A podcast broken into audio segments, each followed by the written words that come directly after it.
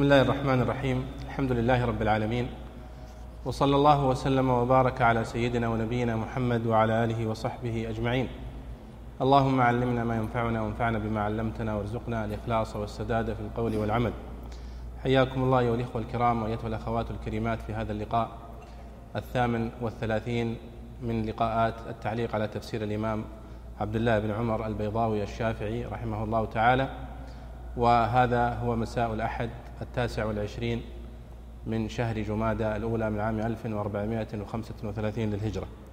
كنا توقفنا في الدرس الماضي آه، عند التعليق على الآيات آه، الآية السابعة والخمسين من سورة آه، آل من سورة البقرة وهي قول الله سبحانه وتعالى في امتنانه على بني إسرائيل وظللنا عليكم الغمام وأنزلنا عليكم المن والسلوى كلوا من طيبات ما رزقناكم وما ظلمونا ولكن كانوا أنفسهم يظلمون. وإذ قلنا ادخلوا هذه القرية فكلوا منها حيث شئتم رغدا وادخلوا الباب سجدا وقولوا حطة نغفر لكم خطاياكم وسنزيد المحسنين. فبدل الذين ظلموا قولا غير الذي قيل لهم فأنزلنا على الذين ظلموا رجزا من السماء بما كانوا يفسقون. وكنا قرأنا كلام الإمام البيضاوي في هذه في تفسير هذه الآيات ثم انتهى الدرس أو قامت الصلاة. فنعود إلى هذه الآيات. لا يزال الحديث أيها الإخوة آه، عن الامتنان على بني إسرائيل في هذه الآيات. الله سبحانه وتعالى يمتن على أحفادهم الذين عاصروا النبي صلى الله عليه وسلم في المدينة. يمتن عليهم بالنعم التي أنعم بها على أجدادهم في عهد موسى عليه الصلاة والسلام. فكل الأحداث التي يذكرها الله سبحانه وتعالى في هذه الآيات هي أحداث وقعت لبني إسرائيل أيام موسى عليه الصلاة والسلام بدءا من آه، إخراجهم من مصر ونجاتهم من فرعون وقومه ونجاتهم من الغرق أيضا وعبورهم للبحر. فالله سبحانه وتعالى في هذه الآية في قوله وظللنا عليكم الغمام هي وقعت في المرحلة التي وقعت بعد نجاتهم من من فرعون في هذه القصة الشهيرة والتي قلنا أنها وقعت في العاشر من شهر محرم وهو آه، يوم عاشوراء. ولذلك كان بنو إسرائيل ولا زالوا يصومونه. وجاء النبي صلى الله عليه وسلم إلى المدينة فوجدهم يصومون هذا اليوم. فقال لماذا؟ قالوا هذا يوم نجى الله فيه موسى ومن معه من فرعون. فقال النبي صلى الله عليه وسلم نحن أحق بموسى منكم. فصامه عليه الصلاة والسلام وأمر بصيامه ولا زلنا نصومه إلى اليوم. وهذه النعمة في قوله وظللنا عليكم الغمام في الصحراء التي كانوا فيها في التيه كانوا في صحراء ليس فيها شجر يستظل به من ظل الشمس أو من حر الشمس فأنعم الله عليهم بسحاب يظللهم من الشمس يسير بسيرهم ويتوقف بتوقفهم. وهذه نعمة عظيمة من النعم التي أنعم الله بها عليهم في هذه آه، في هذه آه، أو في هذه الرحلة. والغمام هو السحاب المعروف. قال وأنزلنا عليكم المن والسلوى. قال البيضاوي هنا الترنجبين والسمان. أو والسمان. وقلت لكم أن الترنجبين هو المن والمن هناك كلام كثير للمفسرين في تعريفه. وخلاصة أقوال المفسرين فيه أنه آه، سائل أو صمغ يشبه طعمه طعم العسل. كانوا يستيقظون في الصباح فيجدونه على الأشجار على الأحجار وعلى الأشجار وعلى النباتات الصغيرة فيأخذونه بأيسر طريق وكان مغذيا ولذيذا في نفس الوقت. ولذلك سوف تأتي معنا الآيات التي في قوله سبحانه قالوا آه، لن نصبر على طعام واحد. وهم يقصدون به هذا الطعام آه، لأنهم ملوا منه مع أنه أكثر فائدة مما آه، يطلبونه. فالمن هذا هو. لذلك قالوا هو صمغ يشبه العسل. هذا هو خلاصة أقوال المفسرين فيه. ولذلك اختلفوا كثيرا في المقصود به بعينه. ومثل هذه الأشياء أيها الإخوة في كتب التفسير ينبغي أن نتنبه إلى أن المفسرين يختلفون فيها اختلافا أحيانا من باب التنوع وليس اختلافا من باب التضاد. تماما كما في اختلافهم في قوله سبحانه وتعالى وفاكهة وأبا. فتجدون في الأب اختلافات. فمنهم من يقول الأب هو كل ما ترعاه الأنعام. أي نبات يظهر على سطح الأرض يسمى بالأب. مأخوذ من أب الشيء إذا ظهر. ومنهم من يحدده بعينه. لذلك لما سئل عنه أبو بكر الصديق رضي الله عنه لم يجب. وقال أي سماء تظلني؟ إن أنا قلت في كتاب الله برأيي. وكأنه عنى رضي الله عنه أن يحدد المقصود بالأب بعينه. فيقول هذا النبات بعينه هو المقصود بالأب. لكن المقصود العام والمفهوم من الآية واضح أنه نبات أو أو طعام للأنعام. بدلالة قوله في الآية التي بعدها قال متاعا لكم ولأنعامكم. طيب. والسمانة أو أو السلوى يعني الصحيح من أقوال المفسرين أنه طائر. من الطيور يشبه السمانة والسمانة هو طائر كما هو معروف عند في بعض المناطق هو أصغر يعني شبيه بالحمام. البري هو طائر يسمى طائر السمان. فكان كان هذان الطعامان آه، مما سخره الله سبحانه وتعالى وأنعم به على بني إسرائيل في مرحلة التيه هذا الصمغ الذي يشبه العسل وهذا الطائر الذي يأكلون من لحمه كانوا يستطيعون أن يصيدوه بأقرب طريق. تماما كما كان في الصيد أو صيد السمك كما تعلمون أن الله سبحانه وتعالى قد حرم عليهم الصيد في يوم السبت ابتلاء لهم. وأباحه لهم في سائر أيام الأسبوع. فمن شدة الابتلاء لهم في هذا أنه كان الصيد يأتي يوم السبت فقط. ولكنه أيام بقية الأيام الأسبوع لا يأتي. فكان هذا ابتلاء لهم حتى يرى الله سبحانه وتعالى هل يستجيبون أو لا. فقال الله سبحانه وتعالى آه، تأتيهم حيتانهم يوم سبتهم شرعا يعني متناول اليد قريبة السمك. ويوم لا يسبتون لا تأتيهم. فاحتالوا بحيلة وهي المعروفة وستأتي معنا. فكذلك هذا الطائر وهو طائر السلوى كان يعني يعني في متناول أيديهم مع أنه طائر يحتاج في صيده إلى آه، مؤونة وإلى مشقة لكنهم كانوا لا يجدونها في في صيد هذا الطائر. والبيضاوي هنا قال قيل كان ينزل عليهم المن مثل الثلج من الفجر إلى الطلوع وتبعث الجنوب عليهم السمانة يعني ريح الجنوب وينزل بالليل عمود إلى آخره. وهذه كلها من الروايات الإسرائيلية التي رويت في تفاصيل هذه الآيات وهذه القصص. ثم قال الله سبحانه وتعالى وإذ قلنا ادخلوا هذه القرية فكلوا منها حيث شئتم رغدا. والمقصود بالقرية على الراجح من أقوال المفسرين أنها القدس أنها بيت المقدس بعينه. ولذلك قدمها هنا البيضاوي فقال يعني بيت المقدس. وقيل أريحة. فالصحيح أنها بيت المقدس وليست أريحة لأنها هي المقصودة التي كانوا يطلبونها وهي بيت المقدس والتي يراد لهم أن يدخلوها. أيضا في قوله سبحانه وتعالى وقولوا حطة. أيضا هذا مما أيضا تكلم عنه المفسرون وفسره النبي صلى الله عليه وسلم في الحديث الصحيح أن الله سبحانه وتعالى قد أمر بني إسرائيل عندما دخلوا هذا المنطقة وهي منطقة القدس أو بيت المقدس كان لها باب. وهذا شأن البلدان أو المدن في القديم.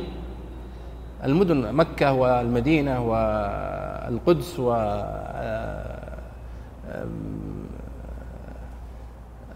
يعني المدن المشهورة عند اليونان مثل قرطاجة ومثل تدمر في سوريا وغيرها في أيام اليونان المدن دائما كانت محاطة بأسوار. وحتى عندنا في في في بلادنا إلى اليوم كانت القرى والمناطق والمدن الصغيرة محاطة بأسوار مغلقة من من شدة الخوف وحرصا على الأمن. فلا يدخلها أي أحد إلا ب يعني في في أوقات محددة وتغلق في الليل إلى آخره. فكانت القدس في ذلك الوقت من هذا النوع وكذلك مصر و فلما أرادوا أن يدخلوا بيت المقدس أمرهم الله سبحانه وتعالى أن يدخلوا بهذه الطريقة. وقلت لكم أن الله سبحانه وتعالى لم يأذن لهم بدخول بيت المقدس إلا بعد وفاة موسى عليه الصلاة والسلام. ولذلك دخلوها يوم الجمعة مع يوشع بن نون وهو فتى موسى. وقد آه، في القصة المشهورة التي كانت يعني كرامة ليوشع بن نون أن الله سبحانه وتعالى أخر آه، غروب الشمس. لهم حتى فتح الله عليهم بيت المقدس في في عشية يوم الجمعة. فأمرهم الله أن يدخلوا على هيئة السجود. إما أن يسجدوا سجودا للشكر ثم يدخلوا وإما أن يدخلوا مطأطئي رؤوسهم على هيئة الراكع. إما قالوا لصغر لصغر الباب الذي يدخلون منه. ولكنهم لشدة عتوهم ومعصيتهم وتكبرهم يعني آه، سجية فيهم لا يتكلفون. في بني إسرائيل أنهم دخلوا على غير الهيئة التي أمروا بها فبدل أن يدخلوا على هيئة الركوع آه، خاشعين دخلوا وهم على على ظهورهم يعني دخلوا متجهين بظهورهم إلى الباب.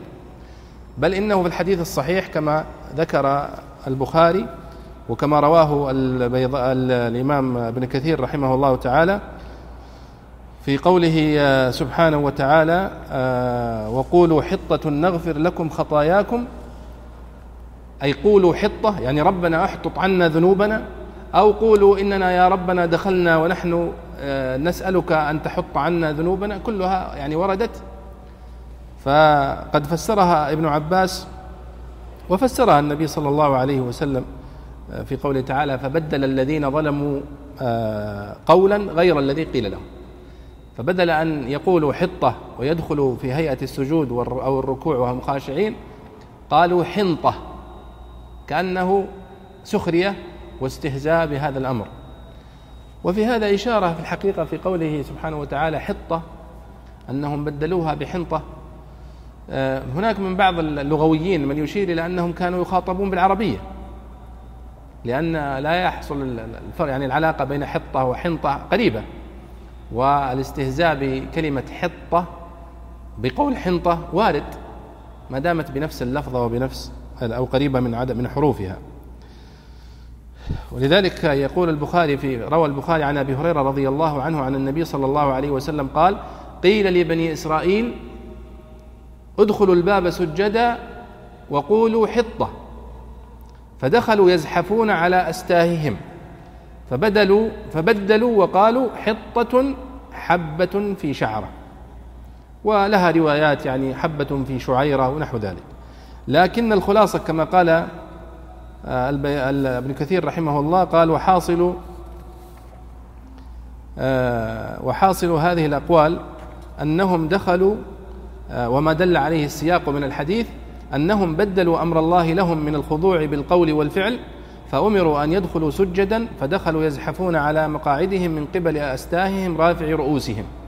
وأمروا أن يقولوا حطة أيحطط عنا ذنوبنا وخطايانا؟ فاستهزأوا وقالوا حط حنطة في شعيرة. وهذا في غاية ما يكون من المخالفة والمعاندة ولهذا أنزل الله بهم بأسه وعذابه بفسقهم وهو خروجهم عن طاعته. ولهذا قال فأنزلنا على الذين ظلموا رجزا من السماء بما كانوا يفسقون. لاحظوا أيها الإخوة طبعا هذه الآية وأمثالها في هذه القصة تشير إلى عتوهم وعنادهم وعدم استجابتهم. ونحن كررنا مرارا أن هذه السورة العظيمة وهي سورة البقرة من أعظم مقاصدها مقصد الانقياد والاستسلام لأمر الله سبحانه وتعالى. وأنه ينبغي على المؤمن إذا أمره الله بأمر أن يقول سمعنا وأطعنا. سواء أدرك الحكمة من هذا الأمر أو لم يدركها. بل إنه في حال عدم إدراكه للحكمة تكون استجابته وانقياده أكمل وأعظم. بخلاف إذا عرف المؤمن الحكمة من هذه العبادة أو من تلك فإنه يكون انقياده عن تعليل فقد يكون انقياده بسبب العلة اقتنع بها فانقاد. بخلاف الذي لم يعرف الحكمة فإنه ينقاد لها استجابة لأمر الله سبحانه وتعالى.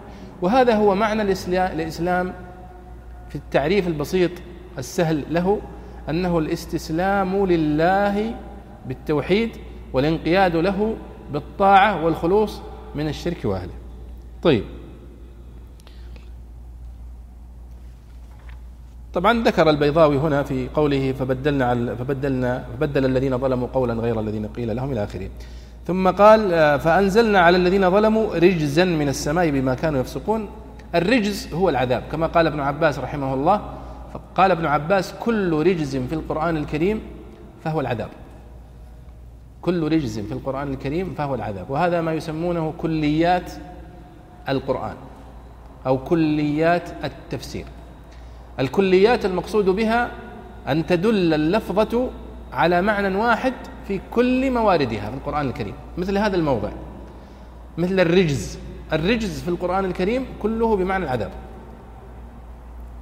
الرجز.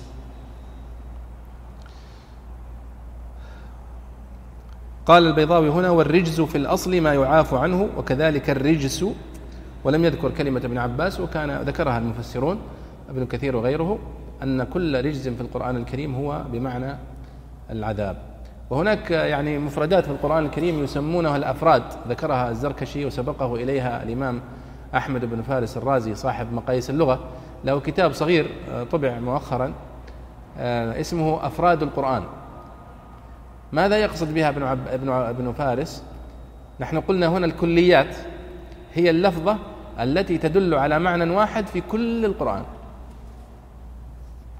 الأفراد هي لفظة تدل على معنى واحد في كل المواضع إلا في موضع واحد تخالفه. فمثل مثلا الأسف. الأسف هو الحزن. إلا في موضع واحد في قوله فلما آسفونا انتقمنا منهم فهي بمعنى الغضب. آسفونا يعني أغضبونا. أما في بقية المواضع وأسف على يوسف فهي بمعنى الحزن والأسى.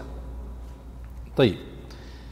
آه ذكر البيضاوي هنا في قوله رجزا من السماء أن المراد به هنا الطاعون وهذا قول سعيد بن جبير من التابعين أن أن العذاب الذي أنزله الله سبحانه وتعالى على هؤلاء العصاة الذين أمرهم الله سبحانه وتعالى أن يدخلوا بهيئة معينة ويقولوا قولا معينا فغيروه وبدلوه قال فأنزلنا على الذين ظلموا رجزا. قال الرجز هو الطاعون. ونحن قلنا أن الرجز هو العذاب والطاعون هو جزء من العذاب. فهو قد فسر قد فسره بالمثال. قد فسره بالمثال. و وروي كما قال البيضاوي أنه مات في ساعة أربعة وعشرون ألفا. وهذه طبعا وردت في الروايات الإسرائيلية. ولذلك وستجدون في هذه القصة وسنذكرها أن المفسرين من التابعين ومن الصحابة رضي الله عنهم يرجعون إلى الإسرائيليات. وهي الروايات المروية عن بني إسرائيل في تفاصيل هذه القصص. ولذلك المفسرون أو علماء التفسير يذكرون من مصادر التفسير يذكرون من مصادر التفسير أول شيء القرآن ثم السنة النبوية ثم أقوال الصحابة والتابعين وأتباعهم ويجمعونها بقولهم أقوال السلف ثم يقولون اللغة ثم يقولون الإسرائيليات. فالإسرائيليات هي من مصادر التفسير فعلا. لكن البعض قد يفهم ذلك فهما خاطئا. فيظن عندما تقول الإسرائيليات مصدر من مصادر التفسير يظن أنها يعني واسعة التأثير في التفسير وإنما هي في مثل هذه المواضع. في مثل هذه المواضع. فستأتيك الآن وإذ استسقى موسى لقومه. كيف استسقى؟ فاضرب بعصاك الحجر ما هو هذا الحجر؟ حجمه نوعه كيف طريقته سوف تأتي معنا. هذه كلها التفاصيل لم يرد في السنة أي تفاصيل فيها. وإنما وردت أخذها المفسرون من الصحابة والتابعين عن علماء بني إسرائيل الذين دخلوا في الإسلام أو الذين لم يدخلوا في الإسلام. كانت أشبه ما تكون كما يقولون اليوم عندنا التأثير الثقافي أو التبادل الثقافي. في لأن هذه كلها قصص وردت عن بني إسرائيل وهم أعلم بها وبتفاصيلها لأنها هذه قصص وقعت لأجدادهم وهي موجودة عندهم في تاريخهم وفي كتبهم وفيهم علماء وفيهم أهل علم بل إنهم كما تعلمون هم اللي يسمون أهل الكتاب. أهل الكتاب يعني أشبه ما تكون اليوم بأهل العلم وأهل الثقافة والأدب والمعرفة. كان حتى تكلمنا مرارا أن العرب في الجاهلية كانوا إذا أشكل عليهم أمر أو أرادوا أن يسألوا عنه يرسلون وفدا إلى اليهود في المدينة باعتبار أنهم يعتبرون هم طبقة مثقفة مقارنة بالوسط الذي يعيشون فيه. اليوم آه، نبدأ في الآية رقم 60 يا شيخ صالح وهي قوله تعالى وإذ استسقى موسى لقومه وهي أيضا تأتي في سياق الامتنان على بني إسرائيل في تلك المرحلة. بسم الله الرحمن الرحيم. الحمد لله رب العالمين والصلاة والسلام على نبينا محمد وعلى آله وصحبه أجمعين. اللهم اغفر لنا ولشيخنا وللحاضرين. قال الإمام البيضاوي رحمه الله في قول الله تعالى وإذ استسقى موسى لقومه لما عطشوا في التيه. وقوله تعالى فقلنا اضرب بعصاك الحجر اللام فيه للعهد على ما روي أنه كان حجرا طوريا حمله معه. وكانت تنبع من كل وجه ثلاث أعين تسيل كل عين في جدول إلى صب وكانوا ستمائة, وكانوا ستمائة ألف. وسعت, وسعة المعسكر اثنا عشر ميلا. أو حجرا أهبطه آدم من الجنة. ووقع إلى شعيب عليه السلام فأعطاه لموسى مع العصا. أو الحجر الذي فر بثوبه لما وضعه عليه ليغتسل وبرأه الله بما به عما رموه من الأدرة. فأشار إليه جبريل عليه السلام بحمله أو للجنس وهذا أظهر في الحجة. قيل لم يأمره بأن يضرب حجرا بعينه ولكن لما قالوا كيف بنا لو أفضينا إلى أرض لا حجارة بها؟ حمل حجرا في مخلاته وكان يضربه بعصاه إذا نزل فينفجر ويضربه بها إذا ارتحل فييبس. فقالوا إن فقد موسى عصاه متنا عطشا. فأوحى الله إليه لا تقرع الحجر وكلمه يطعك لعلهم يعتبرون. وقيل كان الحجر من رخام وكان ذراعا في ذراع. والعصا عشرة أذرع على طول موسى عليه السلام من آس الجنة ولها شعبتان تتقدان في الظلمة. نعم. أيضا كما قلنا عندما آه، وصل بنو إسرائيل إلى التيه كانوا في أمس الحاجة مع آه، في الصحراء إلى الماء. فتلاحظون كثرة الآيات والمعجزات التي أعطاها الله سبحانه وتعالى لموسى عليه الصلاة والسلام في هذه المرحلة بالذات. يعني الآن قبل هروب موسى عليه الصلاة والسلام ببني إسرائيل من مصر كان هناك عدد من المعجزة معجزة العصا بالذات. عندما رماها في ذلك المشهد العظيم آه، على العصي التي تحولت إلى حيات وثعابين. فألقاها فإذا هي حية تسعى وأيضا قال فألقها يا موسى فإذا هي تلقف ما يأفكون في القصة المعروفة. لكن منذ أن خرج موسى عليه الصلاة والسلام بقومه تتالت المعجزات التي كانت لهذه العصا. فكانت أولها عندما ضرب بها البحر فانفلق. فكان كل فرق كالطود العظيم. هذه واحدة. ثم جاء إلى آه، بعد أن آه، خرجوا من البحر. ووصلوا إلى آه، الصحراء. فاحتاجوا إلى الماء. إذ استسقى موسى لقومه. وانظروا كيف الفرق؟ نحن اليوم عندما نستسقي فإننا نصلي صلاة الاستسقاء. نطلب الله سبحانه وتعالى أن يسقينا. موسى عليه الصلاة والسلام يعني من فضل الله سبحانه وتعالى على بني إسرائيل وهو معهم أنهم كان معه عصا يضرب بها حجرا فينبجس هذا الحجر بالماء كأنه آه، يعني حنفية ماء. بل تروي هذه القبائل كلها.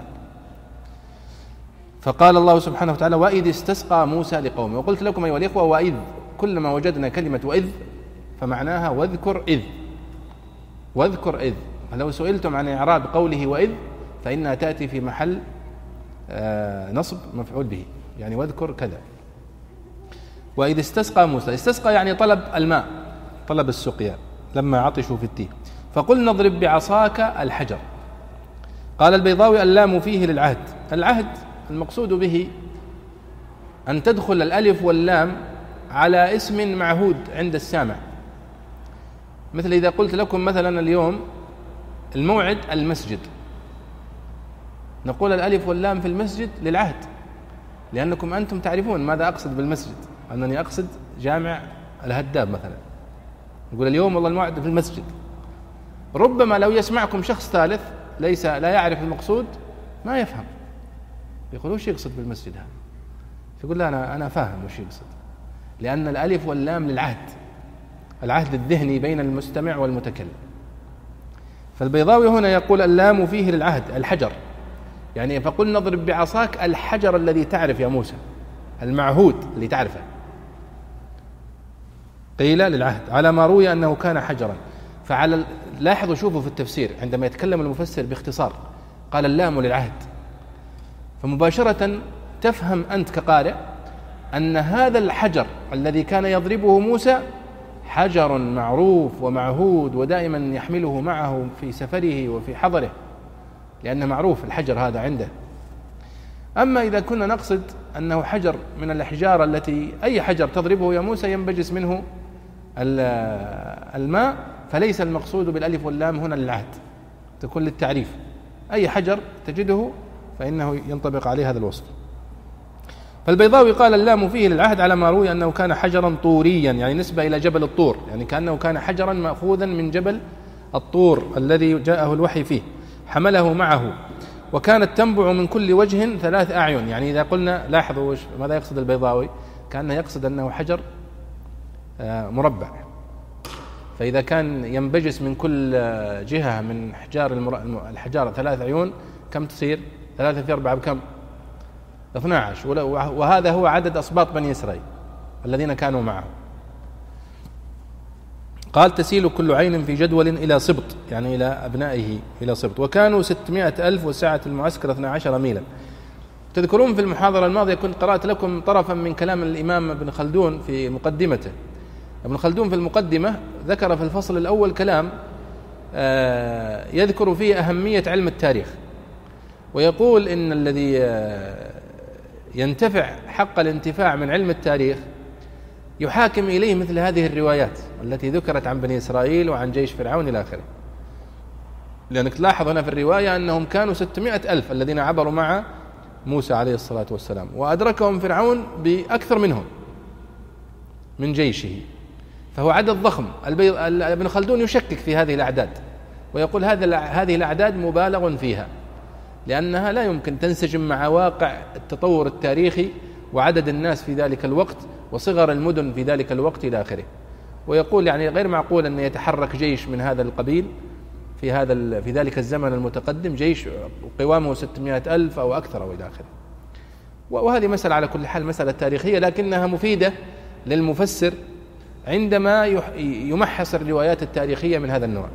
لكن نحن بالنسبة لنا ما تهمنا كونهم 600 ألف ولا 200 رجل ولا ما تفرق معنا. هي طبعا لا شك أنها في القصة قصة عظيمة. ولكن ودليل أنها قصة عظيمة أنها قصة هي مؤثرة إلى اليوم في تاريخ بني إسرائيل.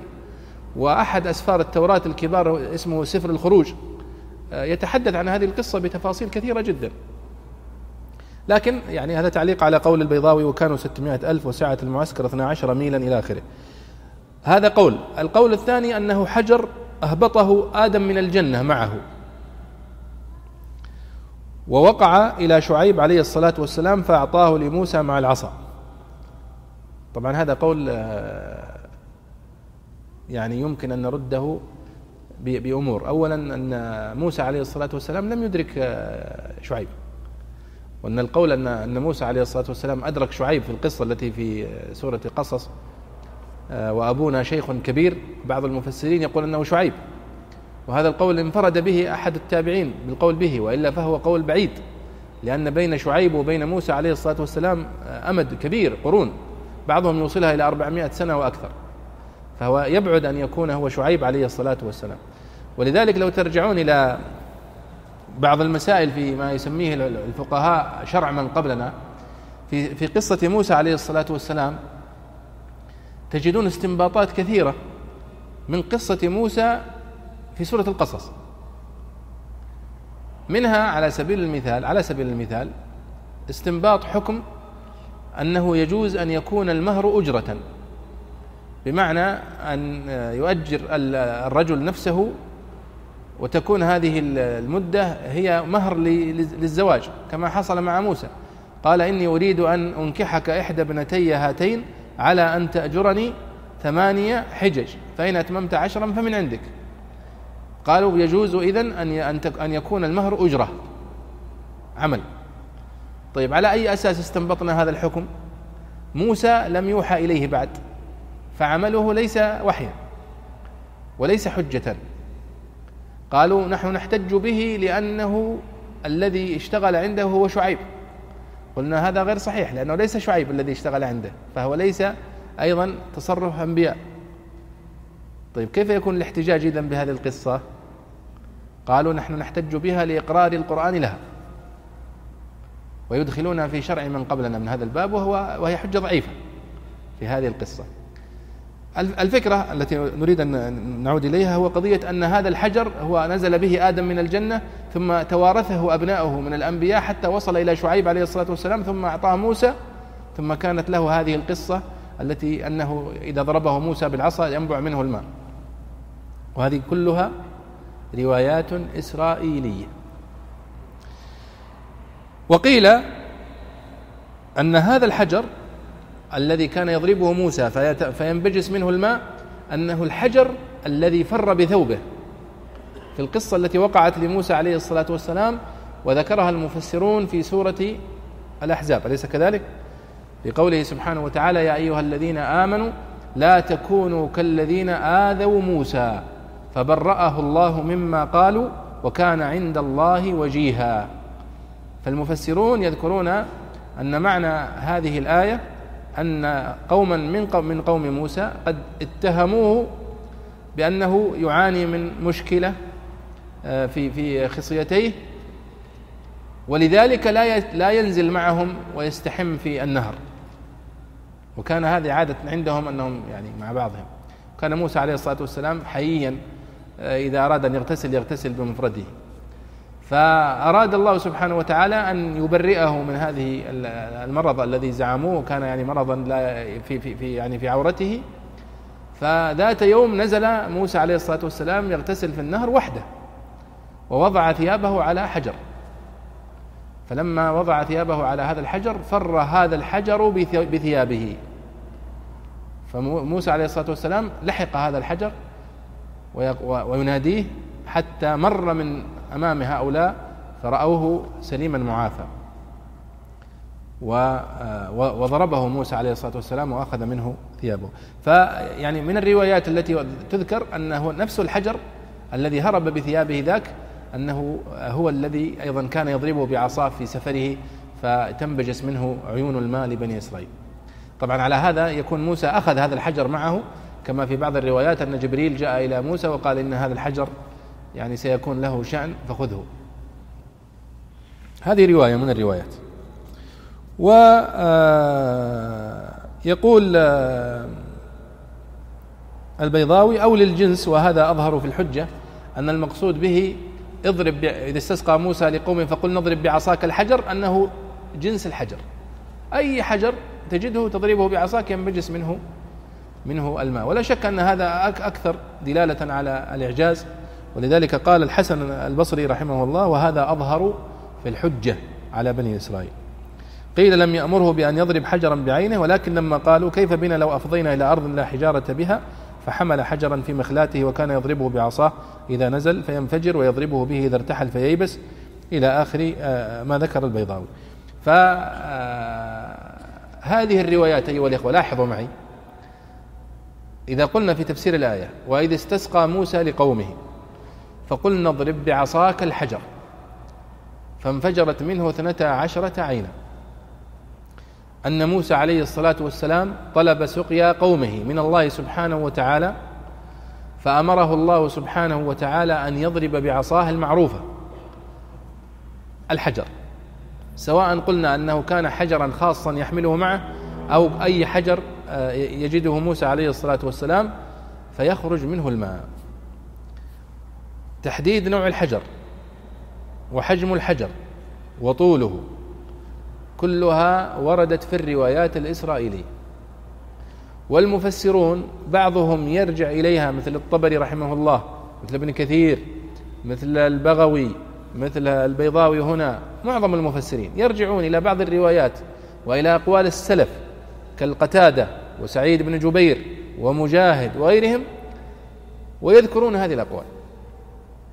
وتلاحظون أننا لو استبعدنا هذه الأقوال وقلنا أنه حجر ولا نعرف نوعه ولا نعرف لونه ولا نعرف حجمه فالمعنى واضح بالنسبة لنا. فإن دخلنا في هذه التفاصيل فليس هناك حرج. وهي مما ورد في الإسرائيليات التي لم نؤمر بتكذيبها ولا بتصديقها ولا وليس في شرعنا ما يعني يؤكدها ولا ما يردها. فقد استخدمها العلماء في هذه المواضع وليس في ذلك بأس وليس في ذلك حرج واضح يا شباب؟ نعم. أكمل يا صالح لا قال تعالى فانفجرت منه اثنتا عشرة عينا. متعلق بمحذوف تقديره فإن ضربت فقد انفجرت. أو فضرب فانفجرت. كما مر في قوله تعالى فتاب عليكم. وقرئ عشرة عشرة بكسر الشين وفتحها وهما لغتان فيه. وقوله تعالى قد علم كل أناس كل صب. وقوله مشربهم عينهم التي يشربون منها. وقوله تعالى كلوا واشربوا على تقدير القول من رزق الله. يريد به ما رزقهم الله من المن والسلوى وماء العيون. وقيل الماء وحده لأنه يشرب ويؤكل مما ينبت به. وقوله تعالى ولا تعثوا في الأرض مفسدين لا تعتدوا حال إفسادكم وإنما قيده لأنه وإن غلب في الفساد قد يكون منه ما ليس بفساد كمقابلة الظالم المعتدي بفعله. ومنه ما يتضمن صلاحا راجحا كقتل الخضر عليه السلام الغلام وخرقه السفينة. ويقرب منه العيث غير أنه يغلب فيما يدرك حسا. ومن أنكر أمثال هذه المعجزات فلغاية جهله بالله وقلة تدبره في عجائب صنعه. فإنه لما أمكن أن يكون من الأحجار ما يحدق الشعر وينفر عن الخل ويجذب الحديد لم يمتنع أن يخلق الله حجرا يسخره لجذب الماء من تحت الأرض أو لجذب الهواء من الجوانب ويصيره ماء بقوة التبريد ونحو ذلك. نعم قوله سبحانه وتعالى فانفجرت منه اثنتا عشرة عينا. أي أنه فضرب تقدير الكلام أنه فضرب فانفجرت منه اثنتا عشرة عينا. وهذه يعني أسلوب موجود في القرآن الكريم بكثرة الحذف لظهوره. قال قد علم كل أناس يعني من هؤلاء الأصباط كل أناس مشربهم. وهذا فيه إشارة أولا إلى كثرتهم. لاحظوا أنهم كانوا كثير جدا لدرجة أنهم أصباط ويعني يتقاتلون على مثل هذا. فالله سبحانه وتعالى جعل لهم اثنتي عشرة عينا. قد علم كل أناس مشربهم ويبدو أن موسى عليه الصلاة والسلام قد رتبهم ترتيبا. اجتهد فيه بأن يكون لكل سبط من هؤلاء الأصباط عين خاصة. طيب. قال كلوا واشربوا على تقدير القول يعني كأن الله يقول لهم قال الله لهم كلوا واشربوا من رزق الله ولا تعثوا في الأرض مفسدين. وقوله من رزق الله هنا يعني عامة يدخل فيها المن والسلوى وغيرها وهذا الماء الذي يعني انبثق لهم من هذه من هذا من هذا الصخرة. وقيل الماء وحده لأنه آه، يشرب ويؤكل مما آه، ينبت به وهذا أيضا قول كما قلنا من باب التفسير بالمثال. يعني كلوا واشربوا من رزق الله قالوا من المن والسلوى. صحيح. من الماء الذي انبثق من الحجر. صحيح. من غير ذلك ربما يكون هناك أشياء غير ذلك. الله سبحانه وتعالى سخرها لهم. أيضا هو داخل في هذه المعنى. فهو من باب اختلاف التنوع. ولا تعثوا في الأرض مفسدين. العيث والعثو هو أشد أنواع الفساد. ومنه إذا قالوا عاث في الأرض فسادا أي أنه أفسد إفسادا شديدا. هذا هو معنى الآية. البيضاوي هنا قال لا تعتدوا حال إفسادكم لأن العيث عنده هو الاعتداء. وإنما قيده لأنه وإن غلب في الفساد يعني أنه لا يقال عاث فلان صلاحا وإنما لا أصلا تستخدم عاث في الفساد. لكنه يقول إنما قيدها هنا بالفساد إشارة إلى أنه قد يكون أحيانا شيء ظاهره الفساد ولكن باطنه الصلاح فلا يدخل فيها. وضرب مثالا على ذلك كما صنع الخضر عندما خرق السفينة. قال أخرقتها لتغرق أهلها؟ لكنه عندما فسر له هذا الفعل تبين أنه كان إصلاح لها وليس إفساد. لأنه لو ترك هذا الإفساد القليل لصادرها الملك الذي كان يأخذ كل سفينة صالحة غصبا. آه معناه أنه كان ظاهر الفعل الفساد ولكن في حقيقته ليس كذلك. آه قال آه إذا طبعا هو تكلم بكلام لكن الشاهد أنه قال في آخر كلامه كلاما مهما أيها الإخوة وهو يتعلق بمسألة العقيدة. يعني الآن نحن ماذا نقول؟ الله سبحانه وتعالى قد جعل معجزات كثيرة لآدم لموسى عليه الصلاة والسلام. من ضمن هذه المعجزات أنه يضرب بعصاه الحجر سواء قلنا أنه حجر حجر ينقله معه لا شك أنه إعجاز أيضا. أو أي كان أي حجر آه، يجده موسى يضربه فينفجر منه الماء. كلاهما في غاية الإعجاز. هنا يقول البيضاوي ومن أنكر أمثال هذه المعجزات فلغاية جهله بالله وقلة تدبره في عجائب صنعه. لأن هناك من ينكر المعجزات كما تعلمون؟ ويطعن فيها ويكذبها ويرى أنها سحر وبعضهم يرى تخييل وغير ذلك. قال فإنه لما أمكن أن يكون من الأحجار ما يحلق الشعر يعني يقصد أن في يعني بعض الحجر أن يكون حادا مثلا وهذا الذي كانوا يصنعونه القدماء أنهم كانوا بالحجارة يسمونها اللخاف والحجارة الدقيقة يذبحون بها ويحلقون بها الشعر ويستخدمونها كما تستخدم السكين يعني. قال وينفر عن الخل. الخل اللي هو الخل المعروف يعني. أن في نوع من الحجر إذا سكبت عليه الخل ينفر لا يمكن يستقر عليه. تماما اليوم في نوع من الحجارة أحيانا آه، يمكن أن يستخرج منها الماس هذا. اللي يجذب الحديد. كما قال هنا أيضا ويجذب الحديد بعض أنواع الحجر. انظر كيف يذهب البيضاوي يفكر بطريقة مختلفة. نحن نقول الآن الله سبحانه وتعالى قادر أن يخرج الماء من هذا الميكروفون. وهو على كل شيء قدير سبحانه وتعالى. والله سبحانه وتعالى إذا أراد شيئا فإنما يقول له كن فيكون. فنحن لا نبحث عن تعليل لكيفية خروج الماء من الكاميرا مثلا أو من الميكروفون أو من الحجر أو من هذه الطاولة مثلا. لأن هذا إعجاز هذه خرق للعادة. كما حصل مع موسى. لأنك الآن سواء قلنا أنه حجر مثل هذا العمود وضربه بالعصا فانبثق منه الماء. أصلا من وين يجي الماء في العمود؟ له على عين وله يعني مسبك الماء فيه ولا؟ وإن قلنا أنه حجر يتنقل يأخذه ويضعه هنا ويضرب فيخرج منه الماء أو هنا. أيضا هو معجز. فهذا أمر متعلق بقدرة الله سبحانه وتعالى التي لا يحدها شيء. البيضاوي هنا يحاول أن يعلل فيقول أنه يمكن ما دام أن الله سبحانه وتعالى جعل لبعض الحجارة خاصية الجذب وبعض الحجارة يحلق الشعر فيمكن أن يكون بعض الحجارة له خاصية جذب الماء من الأرض. فنحن أيضا نبحث في تعليل للمعجزات ما أصبحت معجزة. المعجزة هي أن يخرج الشيء في المكان الذي لا يتصور أن يخرج منه. ولذلك عندما الله سبحانه وتعالى استجاب لصالح عليه الصلاة والسلام فأخرج له ناقة. من وين خرجت الناقة؟ خرجت من صخرة صماء كانوا يعرفونها في في وسط البلدة عندهم. حتى في بعض الروايات أنه كانوا من باب التحدي يقولون له يا صالح أخرج لنا من هذه الصخرة. تعنت يعني. فأخرج الله لهم من هذه الصخرة حية آه ناقة عظيمة. لا, لا لا تتصور من ضخامتها حتى أنها كانت تشرب هي وحدها يوم ويشربون كلهم مع دوابهم وأنعامهم في يوم. هذا هو هذا الإعجاز هذا خرق العادة.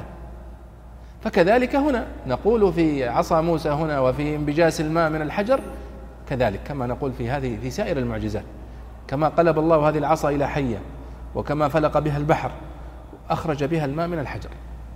دون أن نحتاج إلى القول بأن هذا الحجر الذي خرج منه الماء فيه خاصية جذب الماء من من الأرض مثلا أو غير ذلك. لأن هذه هذه فكرة المعجزات أنها خارقة للعادة خارقة للسنن التي يعرفها الناس. هذا هو هذا هو المقصود بها. فهذا تعليق على كلام البيضاوي في في في هذه المكان. وهذا أيها الإخوة من آثار يعني كلام البيضاوي هنا من آثار استدلال الأشاعرة بالمعجزة على النبوة. والعقل إذا أدخل في القضايا الغيبية بطل مفعوله وتخبط. سبحان الله العظيم. العقل إذا أدخلته في قضايا الغيب يتخبط. لأن العقل متعود أن يفكر في المحسوسات. في المحسوسات هو مبدع ومدرك لها لأنه يتعامل معها ويعرفها. أما الغيبيات فهو لا يعرفها. فإذا أدخل العقل في الغيبيات جاء بالعجائب. زي الإنسان اللي يتكلم في غير تخصصه. فلذلك وقع كل من صنع ذلك في أخطاء جسيمة سواء في دلالة المعجزة على النبوة أو في غيره. وإنما نحن نقول هذا خرق للعادة. لا نعرف كيف خرج الماء من الصخر لكنه بقدرة الله سبحانه وتعالى أخرج الماء من الصخر. تماما أيها الإخوة اليوم كما حصل مع هاجر عليه السلام عندما نبع ماء زمزم من تحت قدمي إسماعيل. هل يمكن أحد يقول والله قدمي هذا الطفل هي التي أثارت التراب فأخرجت الماء؟ ما هي هذه البئر العجيبة التي تستمر من عهد إسماعيل إلى اليوم بسبب الآن الحفارات والرجال الأشداء ما يجيبون الماء إلا بعد عناء شديد. فكيف طفل صغير وفي واد غير ذي زرع وفي مكان ف... لكنها قدرة الله سبحانه وتعالى. ثم لاحظوا يعني من من من كمال قدرة الله سبحانه وتعالى كيف يستمر نبع الماء في بئر زمزم إلى اليوم. أنت الآن وين هذا البئر التي تستمر كل هذه القرون؟ ثم لا تنضب على كثرة من يريد يشرب منها. هذا لا شك أنه خرق للعادة وللسنن وكرم من الله سبحانه وتعالى وفضل. طيب وإذ قلتم يا موسى الآية التي بعدها صالح. الله عليك قال تعالى وإذ قلتم يا موسى لن نصبر على طعام واحد يريدون به ما رزقوا في التيه من المن والسلوى وبوحدته أنه لا يختلف ولا يتبدل كقولهم طعام مائدة الأمير واحد. يريدون أنه لا تتغير ألوانه وبذلك أجمعوا. أو ضرب واحد لأنهما طعام أهل التلذذ وهم, كا وهم كانوا فلاحة فنزعوا إلى عكرهم واشتهوا ما ألفوه. وقوله تعالى فادع لنا ربك سله لنا بدعائك إياه. قوله يخرج لنا يخرج لنا يظهر ويوجد. وجزم بأنه جواب فادعوا فإن دعوته سبب الإجابة. وقوله تعالى مما تنبت الأرض من الإسناد المجازي وإقامة القابل مقام الفاعل ومن للتبعيض وقوله من بقلها وقثائها وفومها وعدسها وبصلها. تفسير وبيان وقع موقع الحال وقيل بدل بإعادة, المجا... بإعادة الجار. والبقل ما, أنبته ما أنبتته الأرض من الخضر والمراد به أطايبه التي تؤكل والفوم الحنطة ويقال للخبز ومنه فوموا لنا وقيل الثوم وقرئ قثائها بالضم وهو لغة فيه وقوله تعالى قال أي الله أو موسى عليه السلام وقوله أتستبدلون الذي هو أدنى أقرب منزلة وأدون قدرا وأصل الدنو القرب في المكان فاستعير للخسة كما استعير البعد للشرف والرفعة فقيل بعيد المحل بعيد الهمة. وقرئ أدنى من الدناءة. وقوله بالذي هو خير يريد به المن والسلوى فإنه خير في اللذة والنفع وعدم الحاجة إلى السعي وقوله اهبطوا مصر انحدروا إليه من التيه. يقال هبط الوادي إذا نزل به وهبط منه إذا خرج منه. وقرئ بالضم والمصر البلد العظيم وأصله الحد بين الشيئين. وقيل أراد به العلم وإنما صرفه لسكون وسطه أو على تأويل البلد. ويؤيده أنه غير منون في مصحف ابن مسعود. وقيل أصله مصرائيم فعرب وقوله فإن لكم ما سألتم وضربت عليهم الذلة والمسكنة أحيطت بهم إحاطة القبة بما بمن ضربت عليه أو ألصقت بهم من ضرب الطين على الحائط مجازاة لهم على كفران النعمة. واليهود في غالب الأمر أذلاء مساكين إما على الحقيقة أو على التكلف مخافة أن تضاعف جزيتهم. وقوله وباءوا بغضب من الله رجعوا به أو صاروا أحقاء بغضبه. من باء فلان بفلان إذا كان حقيقا بأن يقتل به. وأصل البوء المساواة. وقوله ذلك إشارة إلى ما سبق من ضرب من ضرب الذلة والمسكنة والبوء بالغضب. وقوله تعالى بأنهم كانوا يكفرون بآيات الله ويقتلون النبيين بغير الحق بسبب كفرهم بالمعجزات التي من جملتها ما عد عليهم من فلق البحر وإضلال الغمام وإنزال المن والسلوى. وانفجار العيون من الحجر أو بالكتب المنزلة كالإنجيل والفرقان وآية الرجم التي فيها نعت محمد صلى الله عليه وسلم من التوراة وقتلهم الأنبياء. فإنهم قتلوا شعياء وزكريا ويحيى وغيرهم بغير الحق عندهم إذ لم يروا منه ما يعتقدون به جواز قتلهم وإنما حملهم على ذلك اتباع الهوى وحب الدنيا كما أشار إليه بقوله ذلك بما عصوا وكانوا يعتدون أي جرهم العصيان والتمادي والاعتداء فيه إلى الكفر بالآيات وقتل النبيين. فإن صغار الذنوب سبب يؤدي إلى ارتكاب كبارها كما أن صغار الطاعات أسباب مؤدية إلى تحري كبارها. وقيل كرر إشارة للدلالة على أن ما لحقهم كما هو بسبب الكفر والقتل فهو بسبب ارتكابهم المعاصي واعتدائهم حدود الله تعالى. وقيل الإشارة إلى الكفر والقتل والباء بمعنى مع. وإنما جوزت الإشارة بالمفرد إلى شيئين فصاعدا على تأويل ما ذكر أو تقدم للاختصار ونظيره في الضمير قول رؤبة يصف بقرة فيها خطوط من سواد وبلق.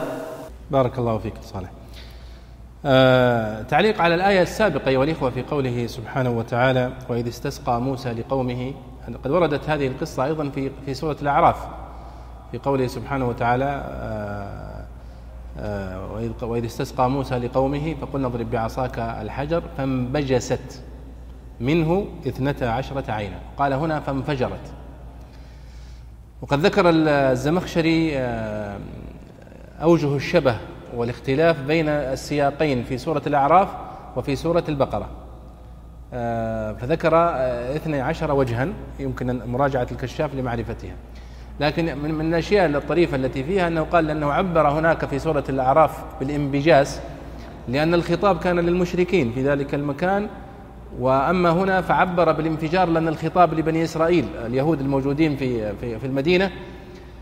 فالانبجاس هو أول الانفجار والانفجار هو إذا بعد أن يتغازر الماء ويكثر. فناسب في مكة أن يعبر بالانبجاس لأنه في بداية الدعوة والانفجار لنهاية الدعوة. فهذه فائدة. آه، ويمكن يعني الرجوع للموضعين للمقارنة بين السياقين. آه، في قوله هنا وإذ قلتم يا موسى لن نصبر على طعام واحد. طبعا الذي قال ذلك هم أجدادهم وليسوا هم.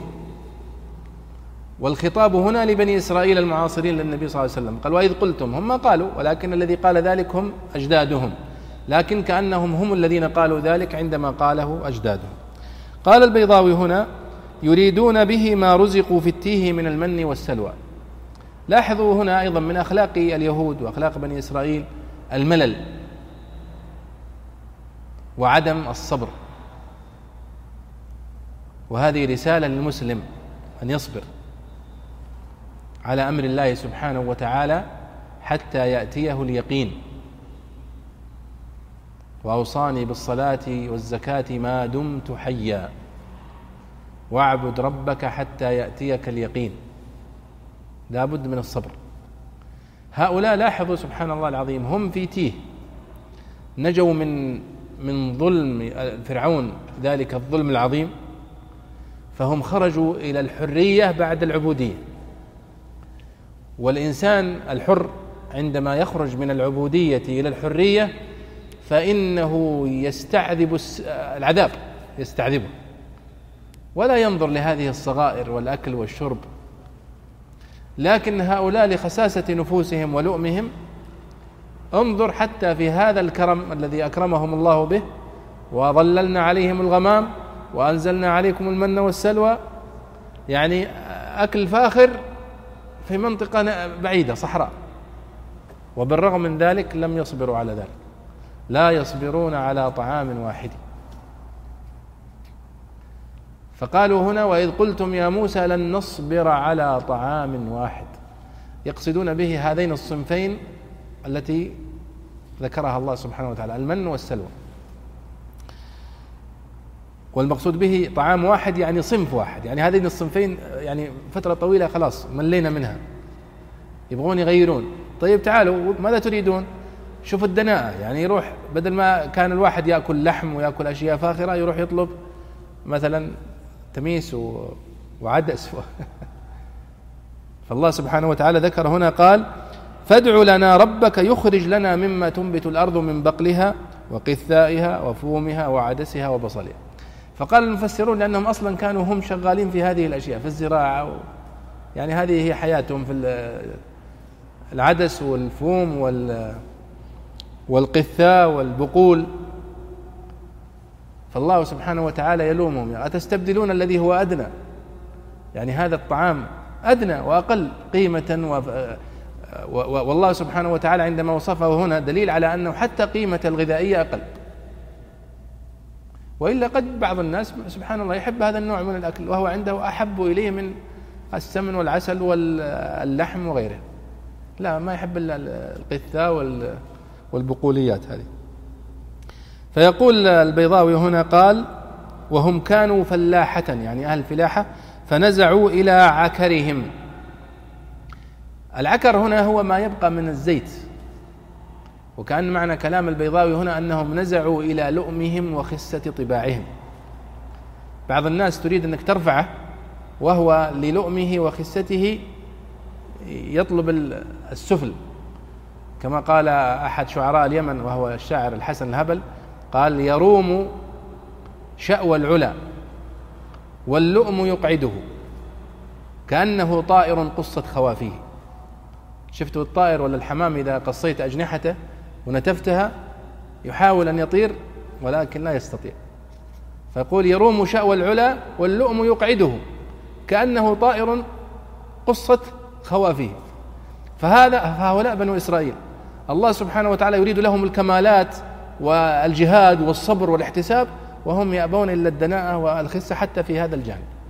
قال الله سبحانه وتعالى تستبدلون الذي هو أدنى بالذي هو خير أو هو من قول موسى كما كما ذكر البيضاوي. قال فادع لنا ربك سله لنا بدعائك إياه يخرج لنا يظهر ويوجد. لاحظوا أيضا من سوء الأدب أيها الإخوة. ادع لنا ربك. طيب ما هو ربكم أيضا؟ لكن من سوء أدبهم كأنهم لم يصدقوا بعد به. ولكن أنت يا موسى تقول أنه ربنا ادع لنا ربك. ادع لنا ربك. وهذا أيضا من سوء أدبهم في مخاطبتهم لموسى عليه الصلاة والسلام. وهي أيضا رسالة للمسلمين وفي عهد النبي صلى الله عليه وسلم. ولنا أيضا في التأدب مع النبي صلى الله عليه وسلم. ولذلك لما تقارن وهذه تصلح أيضا أن تكون ميدان بحث وهو المقارنة بين تعامل بني إسرائيل مع أنبيائهم وتعامل الصحابة الكرام رضي الله عنهم مع النبي صلى الله عليه وسلم. وكيف كان يتعامل بنو إسرائيل مع أنبيائهم وكيف كان يتعامل الصحابة؟ تجد البون الشاسع. وسورة البقرة هي من أصرح السور في الدلالة على هذا المعنى. قال يخرج لنا مما تنبت الأرض. قال البيضاوي هنا من الإسناد المجازي. الإسناد المجازي ما معناها إسناد الفعل إلى غير الفاعل الحقيقي. لأن الذي ينبت هو الله سبحانه وتعالى. ولكننا نقول تنبت الأرض من باب المجاز. كأنها هي التي تنبت. وإلا الذي ينبت سبحانه وتعالى هو الله سبحانه وتعالى كما قال آه، أفرأيتم ما تحرثون؟ أأنتم تزرعونه أم نحن الزارعون؟ لو نشاء جعلناه حطاما. فظلتم تفكهون. فالزارع الحقيقي والمنبت الحقيقي هو الله سبحانه وتعالى. ولكن نقول أنبتت الأرض وأمطرت السماء آه، كما يقول العلماء من باب المجاز. يعني إسناده كأنه هو الفاعل الحقيقي. فهذا معنى قول البيضاوي من الإسناد المجازي وإقامة القابل مقام الفاعل ومن ومن للتبعيض. طيب. من بقلها وقثائها وفومها وعدسها وبصلها هذه كلها أنواع من البقوليات. بعضها معروف إلى اليوم. يعني مثلا القثاء معروفة. البقوليات هذه كلمة عامة يدخل فيها كثير من أنواع البقوليات. وفومها وعدسها وبصلها الخلاف بين المفسرين في الفوم فقط هنا. أما بقية الأنواع فهي معروفة ومشهورة عند كثير من الأمم. فبعضهم يقول أن الفوم هنا هو الخبز ومنه قوله فوموا لنا أي اخبزوا لنا. وقيل أنه الثوم نفسه ولكن قلبت الثاء إلى إلى فاء فقيل فوم بدل الثوم. طيب وهو لغة في. قال أي, أي الله سبحانه وتعالى أو موسى قال أتستبدلون الذي هو أدنى بالذي هو خير؟ من هو الذي قال لهم ذلك؟ هل هو موسى أو هو الله سبحانه وتعالى؟ السياق يحتمل هذا ويحتمل هذا. فإن قاله موسى عليه الصلاة والسلام فهو بوحي من الله سبحانه وتعالى. قال بل الذي هو أدنى أي أقرب منزلة وأدون قدرا وأصل الدنو القرب في المكان فاستعير للخسة. فيقال مثلا هذا همته دون.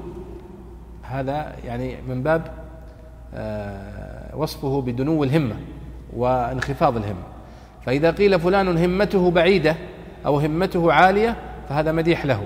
لكن إذا قلت همته دانية فهذا ذم له. فالله يقول هنا أو موسى أتستبدلون الذي هو أدنى؟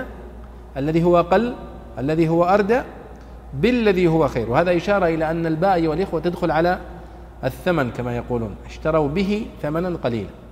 بالذي هو خير الباء هنا دخلت على المبدل منه. يريد به المن والسلوى فإنه خير في اللذة والنفع وعدم الحاجة إلى السعي.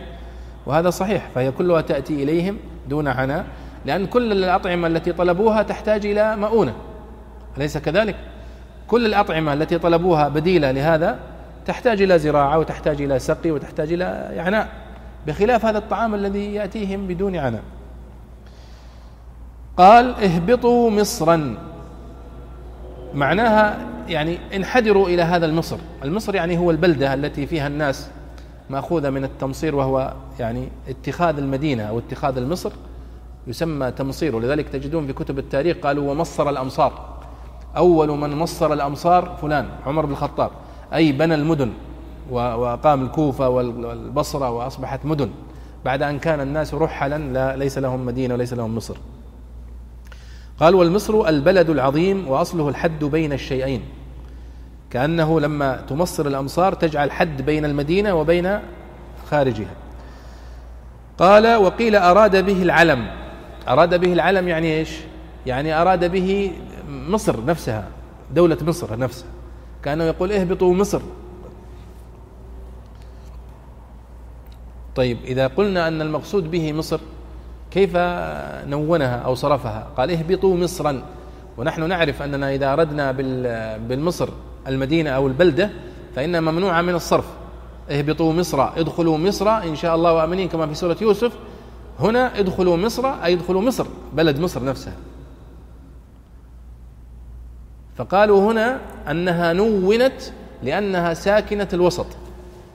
ونحن نعرف أن العلم إذا كان ساكن الوسط فإنه يجوز أن يصرف ويجوز أن يمنع من الصرف مثل هند ونحوها.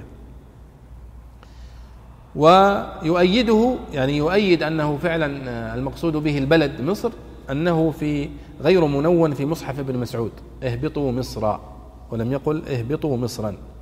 وقيل أصله مصرائيم فعرب.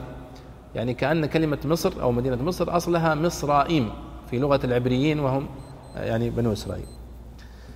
ثم قال البيضاوي هنا فإن لكم ما سألتم وضربت عليهم الذلة والمسكنة قال أحيطت بهم إحاطة القبة بمن ضربت عليه أو ألصقت بهم من ضرب الطين على الحائط مجازاة لهم على كفران النعمة.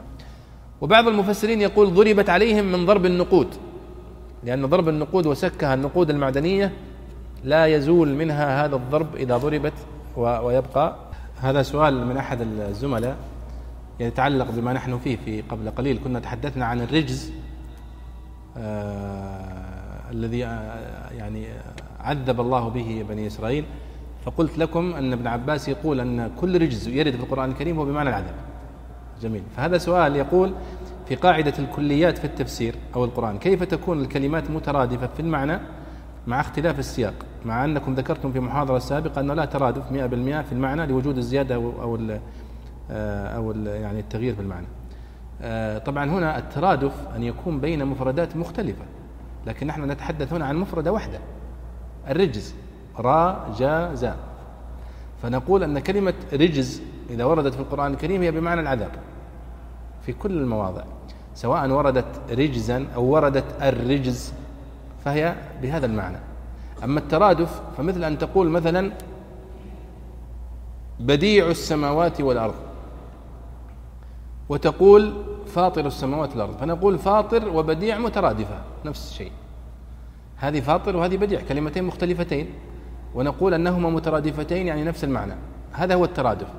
أما هذا فليس هو الترادف لأنه نفس اللفظة ترد في كل موضع وفي مختلف السياقات بنفس المعنى. وأنا شوف أني بحثت الآن في في المصحف فوجدت عندنا هنا في سورة البقرة فبدل الذين ظلموا قولا غير الذي قيل لهم فأنزلنا على الذين ظلموا رجزا عذابا. وفي سورة الأعراف فبدل الذين ظلموا منهم قولا غير الذي قيل لهم فأرسلنا عليهم رجزا يعني عذابا. وفي سورة العنكبوت إنا منزلون على أهل هذه القرية رجزا من السماء أي بمعنى العذاب. وتأتي آه، الرجز وردت في موضعين كذا بالألف واللام الرجز. ولما وقع عليهم الرجز قالوا يا موسى ادع لنا ربك بما عهد عندك لئن كشفت عنا الرجز. فهو بمعنى العذاب أيضا. في سورة الأعراف أيضا فلما كشفنا عنهم الرجز إلى أجل هم بالغوه إذا هم ينكثون. أيضا لما كشفنا عنهم العذاب. فهي هنا كلية. هذه بمعنى الكلية أنها ترد في كل المواضع بنفس المعنى. المفردات أو أفراد أو الأفراد ليست المفردات. الأفراد هي بمعنى ترد بمعنى واحد في كل المواضع إلا في موضع واحد. وقد صنف فيها أحمد بن فارس الرازي صاحب مقيس اللغة رسالة جميلة سماها الأفراد في كتاب الله. نقلها الزركشي في كتاب البرهان كلها.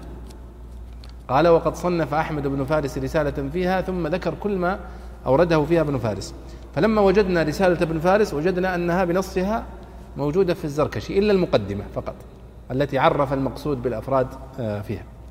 نعود إلى كلام البيضاوي رحمه الله في هذه الآية في قوله آه، فإن لكم ما سألتم وضربت عليهم الذلة والمسكنة هذه هذا التعبير أيها الإخوة في القرآن الكريم عن بني إسرائيل وضربت عليهم الذلة.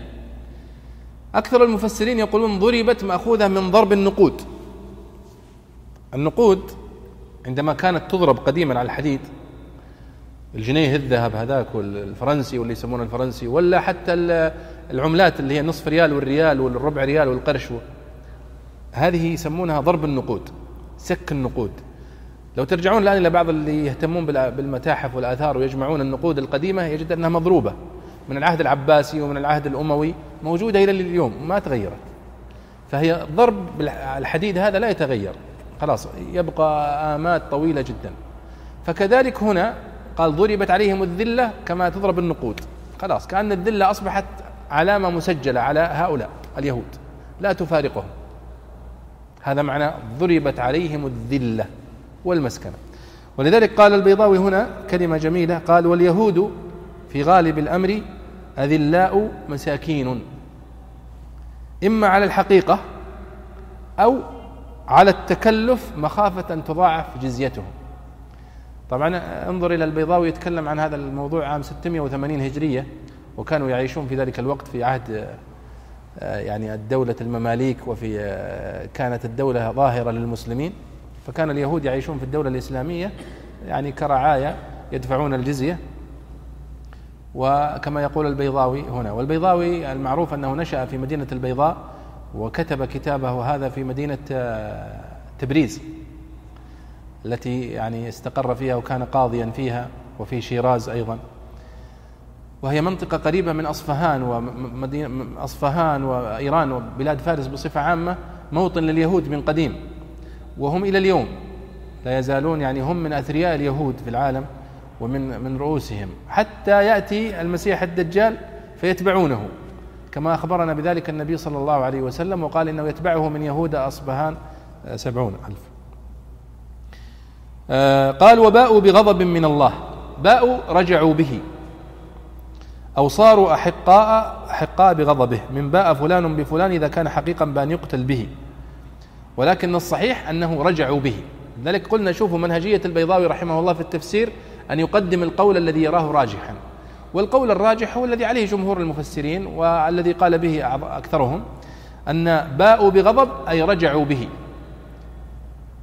وهو مثال على الإنسان الذي يذهب ويسافر إلى مكان بعيد حتى يعود بالغنيمة ولكنه يعود بالخزي ويعود بالفشل وال فكأن هؤلاء قد سافروا ورجعوا بالخيبة باءوا ورجعوا بغضب من الله سبحانه وتعالى. ولا شك أنهم حقيقون بهذا الغضب لكثرة عنادهم وعتوهم ومخالفتهم. كما قال النبي صلى الله عليه وسلم إنما أهلك بنو إسرائيل كثرة اختلافهم على أنبيائهم. يقولون لهم يمين يروحون يسار. كما قولوا حطة قالوا حنطة. وهكذا. وهي كلها رسالة أيها الإخوة للأمة المسلمة أن تنقاد وأن تتبع وأن تسمع وتطيع. وهذا الذي حدث. قال الله سبحانه وتعالى ذلك بأنهم كانوا يكفرون بآيات الله. يعني كأن كأنه يعلل هذا الغضب والذلة التي كتبها الله عليهم بسبب هذا الذي فعلوا كذا وكذا وكذا.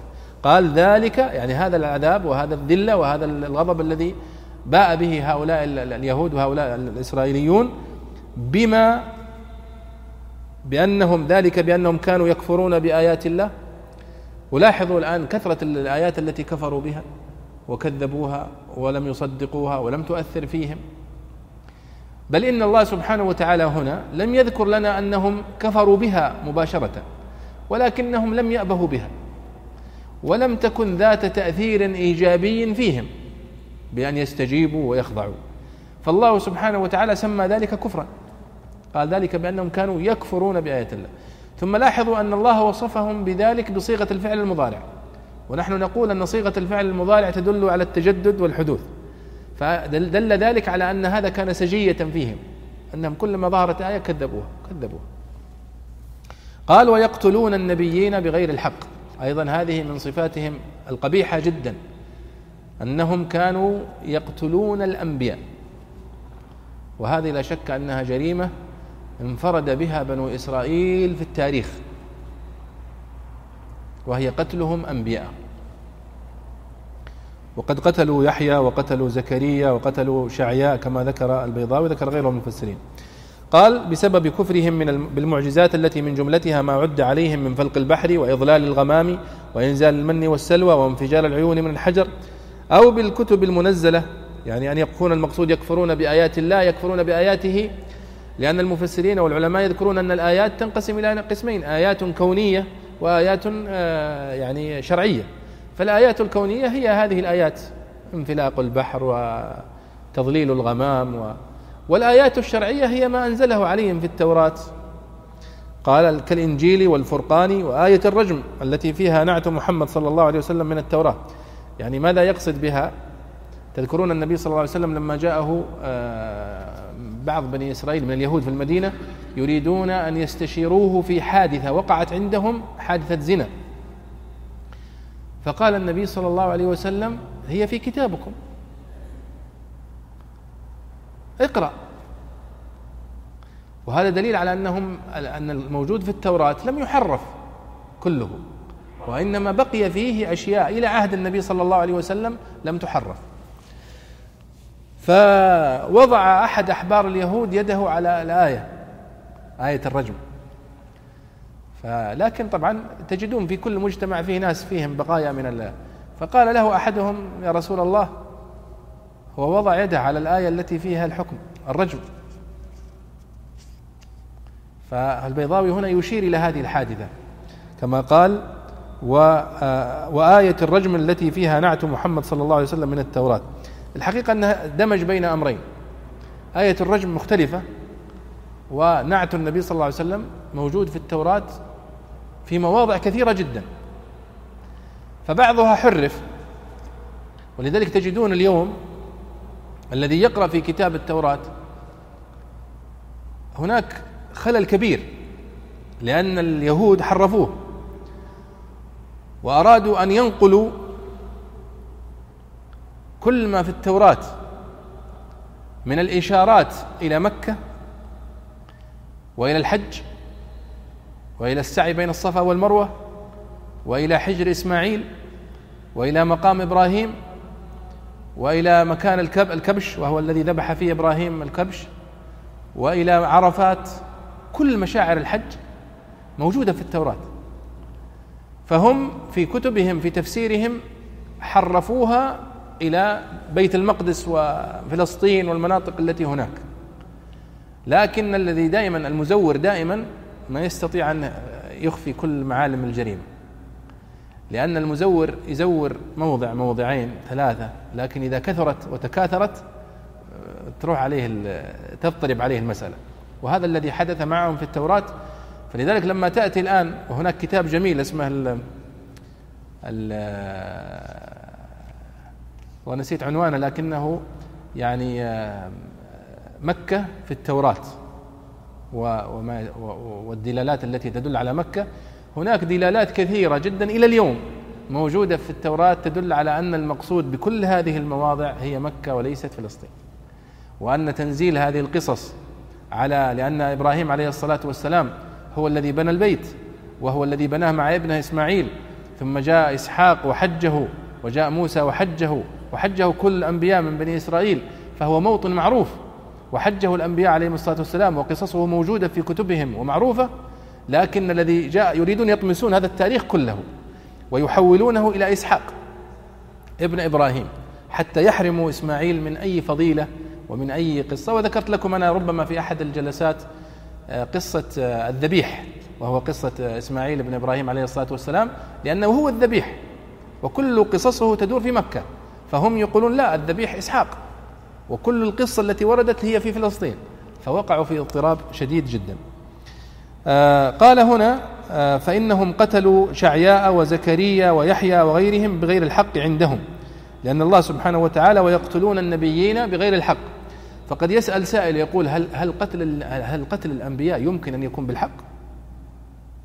فنقول أن قوله سبحانه وتعالى هنا بغير الحق ليس فيه دلالة على أن هناك قتل للأنبياء بحق ولكن إشارة إلى واقعهم وفعلهم أنهم كانوا على باطل في تصرفاتهم لكن أيضا ذكر المفسرون فائدة لقوله هنا بغير الحق أي أنه حتى في شرعهم هم هناك أحكام بالقتل والقصاص ليس منها هذا. فإن الأنبياء عليهم الصلاة والسلام الذين أرسلوا إليهم لم يرتكبوا ما يوجب القتل. قال وإنما حملهم على ذلك اتباع الهوى وحب الدنيا إلى آخره ثم قال ذلك بما عصوا وكانوا يعتدون. يعني ذلك لاحظوا هنا في كلام البيضاوي وهي فائدة لغوية. ذلك بما عصوا وكانوا يعتدون. الله يقول ذكر لهم آه، يعني عدة عقوبات. ثم عبر أو أعاد إليها الضمير بالمفرد فقال ذلك. مع أن المتبادل للذهن أن يقال أولئك أو ذلك يعني يذكرها بصيغة الجمع. فالبيضاوي يقول أن هذا سائغ في اللغة العربية بدليل قال آه وقيل الإشارة إلى الكفر والقتل والباء بمعنى مع وإنما جوزت الإشارة بالمفرد إلى شيئين فصاعدا على تأويل ما ذكر أو تقدم للاختصار ونظيره في الضمير قول رؤبة وهذا الشاهد كثير في كتب التفسير. قول رؤبة يصف بقر الوحش. قال فيها خطوط من سواد وبلق. هذه الحمر الوحش هذه المعروفة أسود وأبيض هذا. قال فيها خطوط من سواد وبلق كأنه في الأف في الجلد توليع البهق. فقال كأنه فأعاد الضمير عليه بالمفرد مع أنه ذكر مثنى. قال فيها خطوط بل جمع وليس مثنى. بل جمع. قال فيها خطوط من سواد وبلق كأنه. والمتبادل الذهن أن يقول كأنها للجمع. فهذا شاهد على أنه يجوز أن تعيد الضمير بالمفرد على ما تقدم من الجمع والمثنى كما وقع هنا في قوله ذلك بأنهم ذلك بما عصوا وكانوا يعتدون أي ذلكم أو تلكم المعاصي الكثيرة الجمع وليست مفردة. قال والذي حسن ذلك أن تثنية المضمرات والمبهمات وجمعها وتأنيثها ليس على الحقيقة ولذلك جاء الذي بمعنى الجمع. وهذا كلام صحيح. طبعا كلام المفسرين لو ترجعون إلى كلام الإمام ابن كثير رحمه الله تعالى في هذه السورة آه، في سورة آه، الطعام الذي طلبه بنو إسرائيل بديلا للطعام الذي هم يأكلونه. آه، وإذ قلتم يا موسى لن نصبر على طعام واحد فادع لنا ربك يخرج لنا مما تنبت الأرض من بقلها وقثائها وفومها وعدسها وبصلها قال تستبدلون الذي هو أدنى بالذي هو خير؟ كلام كثير للعلماء. وكما قلت لكم أن مرجعهم في ذلك الروايات التي وردت عن بني إسرائيل. لأنهم فصلوا أولا في هذه الأطعمة ونوعيتها فصلوا في المقصود اهبطوا مصرا. هل المقصود بها مصر البلد؟ أو المقصود بها أي مصر من الأمصار القريبة منكم أو قرية من القرى؟ لأن أهل القرى في العادة يهتمون بهذه المزروعات البقوليات ويزرعونها من قديم. وفي مصر بالذات لأن مصر أهل زراعة لأنهم على نهر النيل من آلاف السنين. فهم أهل زراعة يزرعون هذه الأشياء ويعرفون. تكلم طبعا ابن كثير وأورد كثير من من الروايات وكلام المفسرين وكلام آه، أهل اللغة عن آه، عن المقصود بهذه الفواكه وهذه البقوليات وهذه الأطعمة فيمكن مراجعتها. والبيضاوي هنا هو ذكر مختصر وملخص لكلام المفسرين. طيب نختم بالآية التي أن الذين آمنوا والذين هادوا. أحسن الله إليك. قال تعالى إن الذين آمنوا بألسنتهم يريد به المتدينين بدين محمد صلى الله عليه وسلم المخلصين منهم والمنافقين. وقيل المنافقين لانخراطهم في سلك الكفرة. وقوله والذين هادوا تهودوا. يقال هاد وتهود إذا دخل في اليهودية. ويهود إما عربي من هذا إذا تاب سموا بذلك لما تابوا من عبادة العجل. وإما معرب يهوذا وكأنهم سموا باسم أكبر أولاد يعقوب عليه السلام. والنصارى جمع نصراني. كندامة وندمان والياء في نصراني للمبالغة كما في أحمري. سموا بذلك لأنهم نصروا المسيح عليه السلام أو لأنهم كانوا معه في قرية يقال لها نصران أو ناصرة فسموا باسمها أو من اسمها. وقوله والصابئين قوم بين النصارى والمجوس وقيل أصل دينهم دين نوح عليه السلام. وقيل هم عبدة الملائكة وقيل عبدة الكواكب. وهو, وهو إن كان عربيا فمن صبا إذا خرج. وقرأ نافع وحده بالياء إما لأنه خفف الهمزة وابدلها ياء أو لأنه من صبا إذا مال إذا, ما إذا مال لأنهم مالوا عن سائر الأديان إلى دينهم أو من الحق إلى الباطل.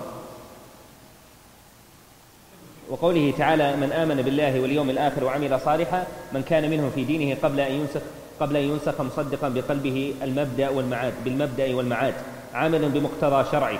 وقيل من آمن من هؤلاء الكفر إيمانا خالصا ودخل في الإسلام دخولا صادقا. فلهم أجرهم عند ربهم الذي وعد لهم على إيمانهم وعملهم. وقوله ولا خوف عليهم ولا هم يحزنون حين يخاف الكفار من العقاب ويحزن المقصرون على تضييع العمر وتفويت الثواب.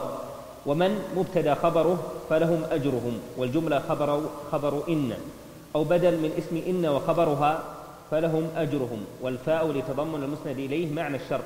وقد منع سيبويه دخولها في خبر إن من حيث من في خبر إن من حيث إنها لا تتدخل الشرطية.